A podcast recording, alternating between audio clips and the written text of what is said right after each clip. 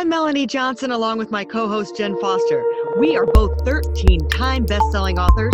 We've published over 2,500 books and made all of our authors number one bestsellers. We own Elite Online Publishing. If you want to become a best selling author, look us up at eliteonlinepublishing.com.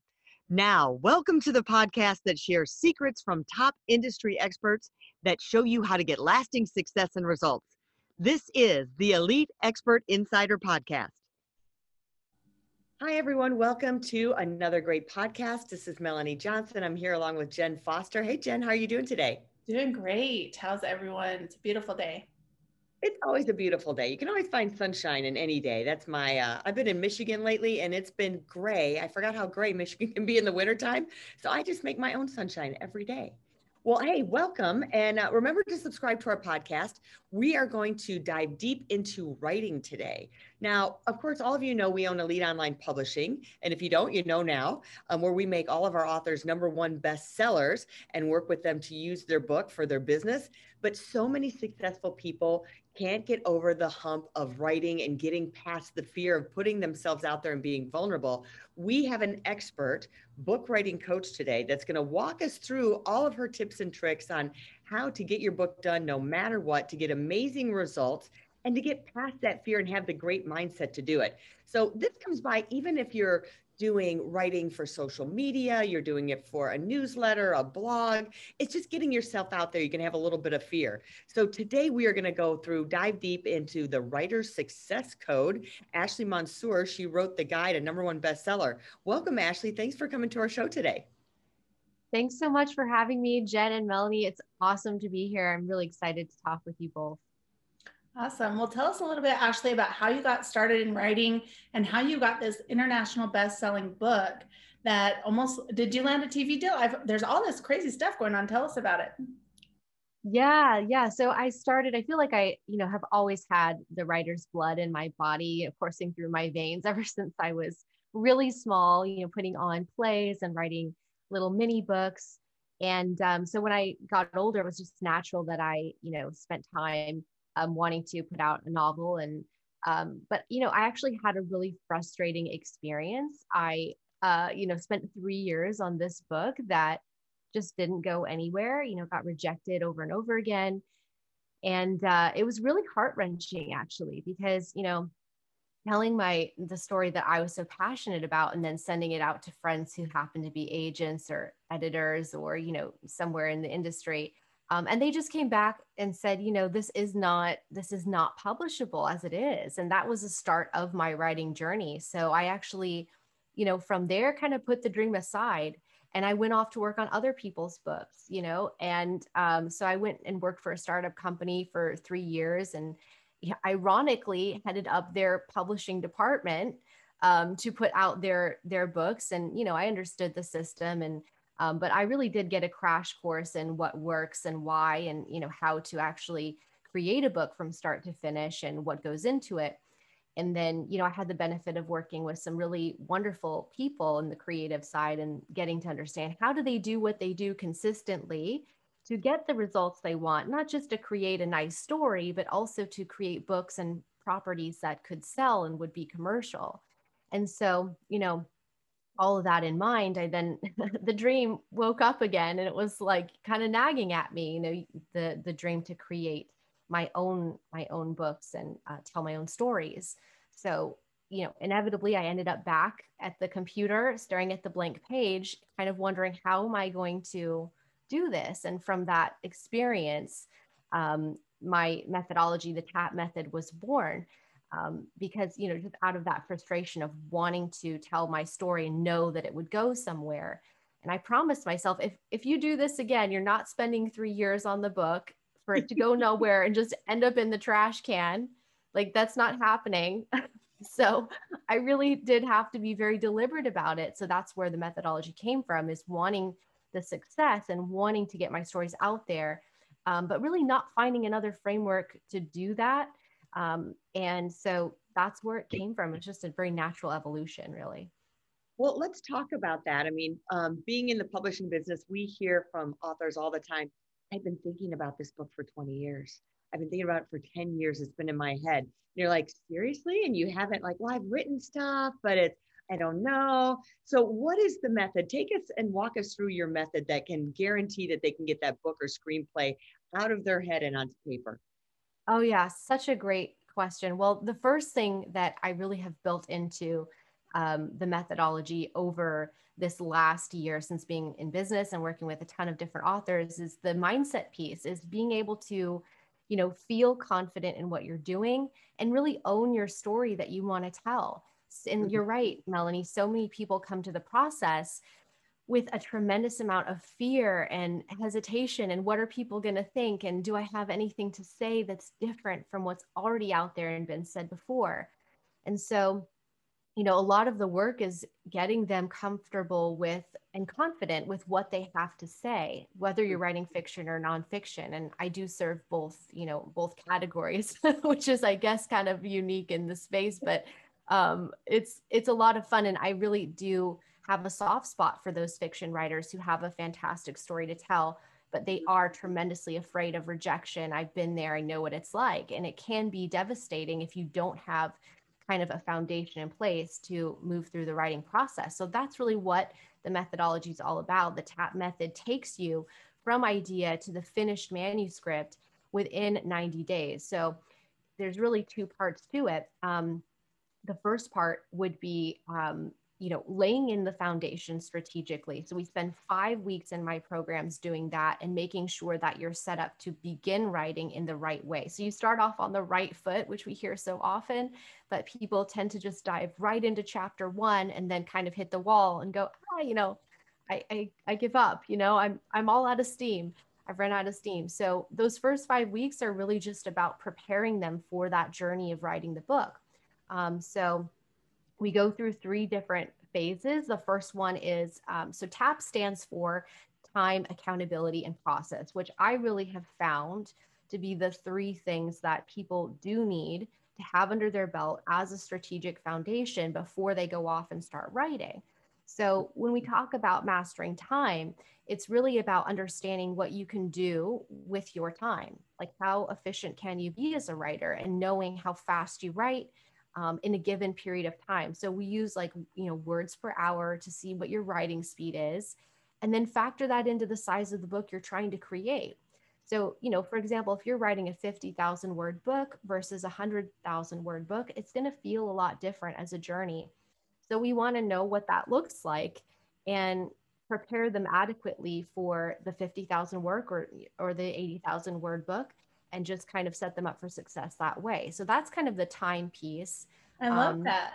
I think that's great. It's kind of just like a math problem, you know. It's like let's figure this out, and then you'll know like where it is instead of like you said, taking a you take a whole month and write all this stuff down, and then you get writer's block and you're stuck and you don't know what to do next.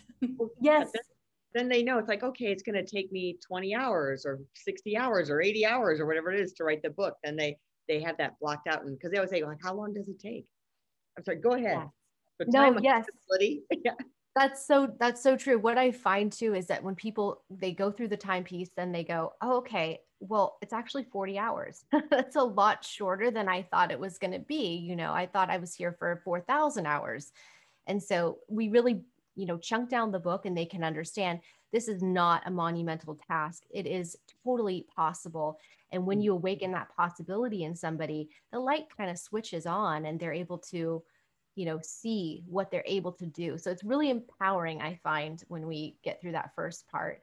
Yeah, well, um, I think just the mindset part, like we always talk about mindset. When we did our first book writing retreat, we were like, okay, first you have to start with mindset because you can't start writing if you don't have your mindset.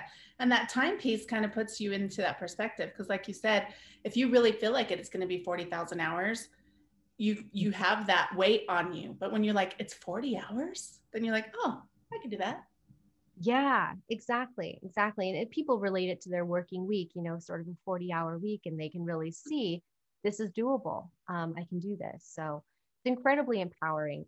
Um, and then when you get into accountability you're sort of layering in a really important element that a lot of people don't think about until it's kind of too late, which is your ideal reader or your audience, you know, who the book is actually there to serve, um, which is just as important for fiction as it is for nonfiction. You know so and many people think about it after the fact instead of right up front where it really matters and can really hold you accountable and bring you back to the page where you know you, you got to do the work. So uh, i find that to be a really important layer too. I don't know do you ladies find that that's also the case? Yeah because you got to have an audience of who that's one of the things we do in our vip day where they you know spend uh, eight hours with us and it's the first thing we ask them who is your ideal reader? And then turning it into one person. Like, oh, you know, they're uh, 30 to 50 years old. They're maybe a guy, maybe a girl. And then we get it down to, you know, it's my neighbor. It's Jim who lives next door. That's really my ideal reader. And so then you're writing the book just for Jim.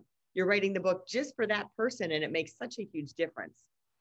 Yeah, I just love that. I love that. As soon as you see they're a real human being you're writing for with emotions and aspirations and yeah hopes and dreams it's like it becomes so much so much more immediate and so much more viable because now you're compelled to tell the story for them instead of for sort of this you know invisible avatar that you can't see or feel. Exactly exactly. It does feel different like if i'm having i say well i'm having a conversation with ashley it's more intimate versus if i'm having a conversation with 20000 people on a big stage right? It's just a different type of feeling Totally. Yeah, absolutely. And so we layer in that piece, and then people start to really feel at home in what they're doing and they feel purposeful because they're actually serving another human. So that sense of purpose is also there to drive the writing. So that's really the the A and TAP, the accountability part.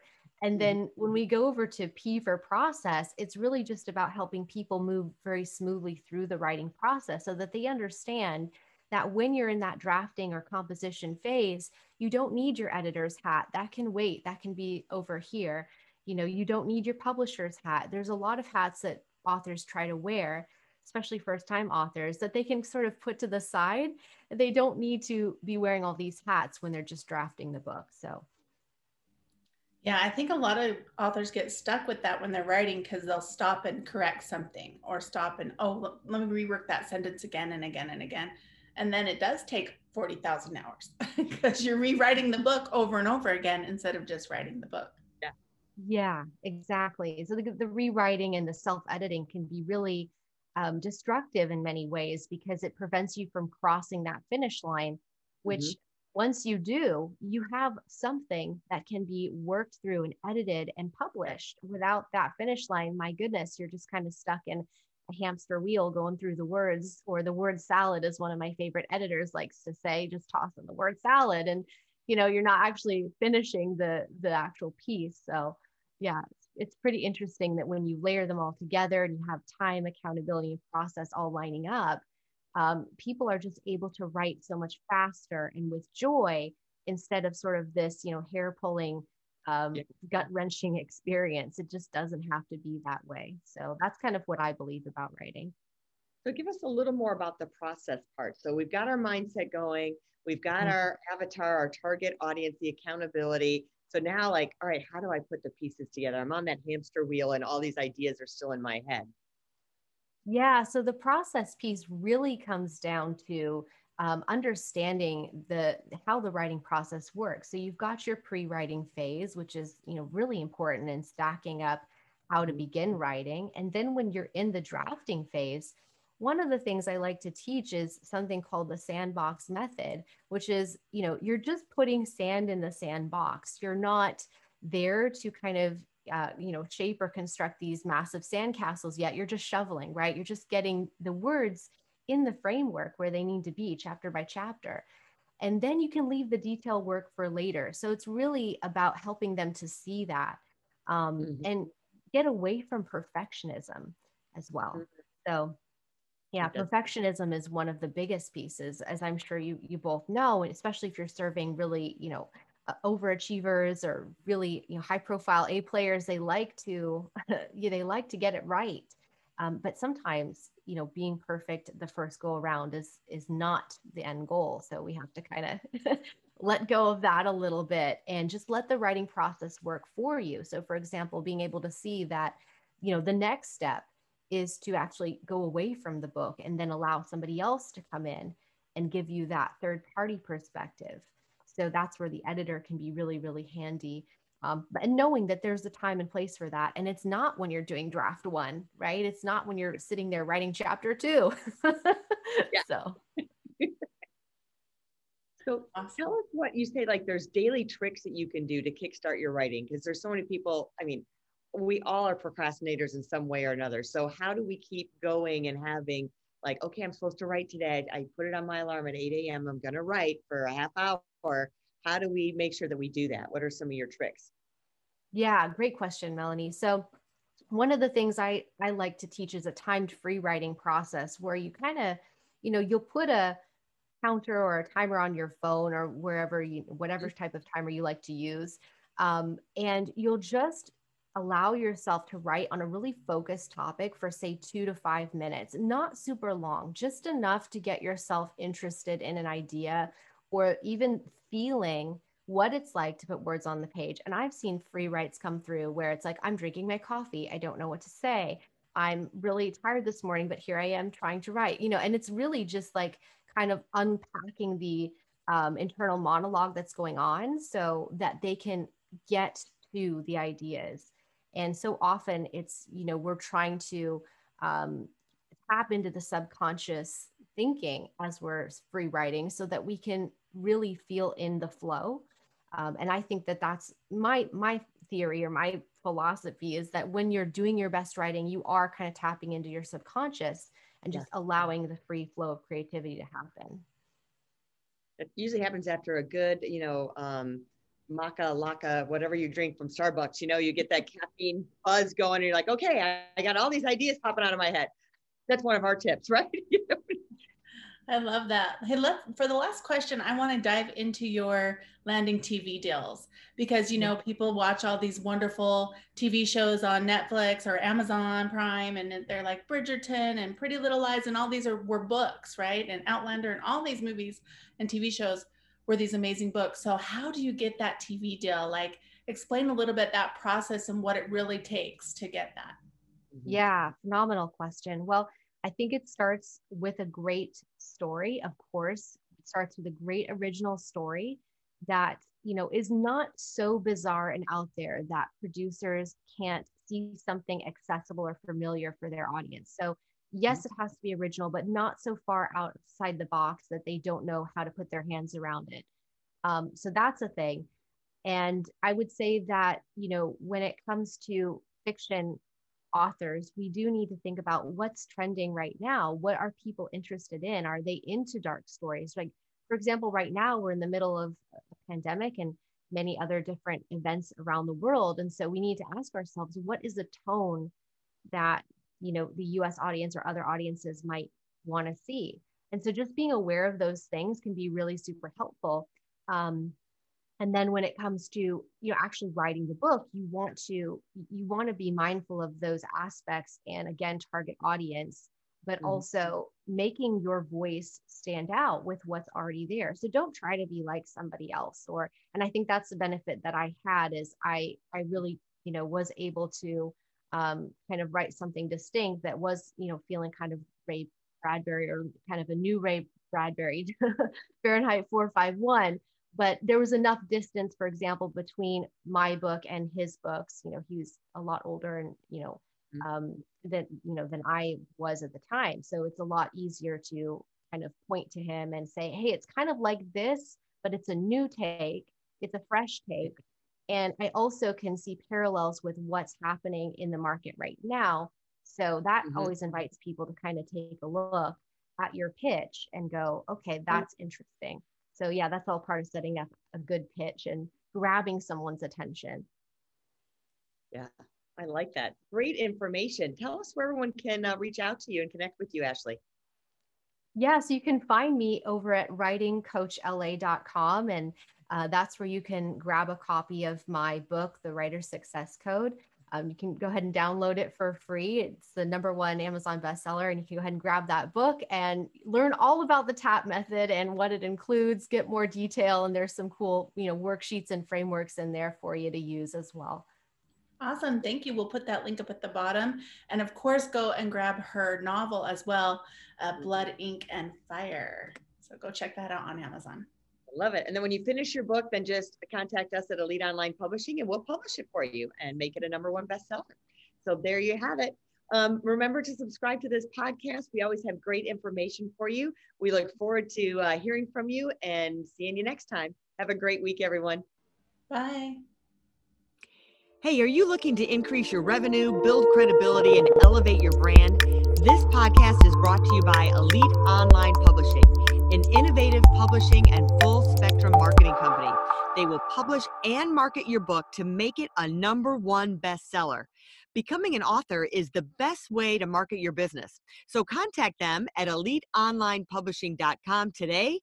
All of their authors become number one bestsellers.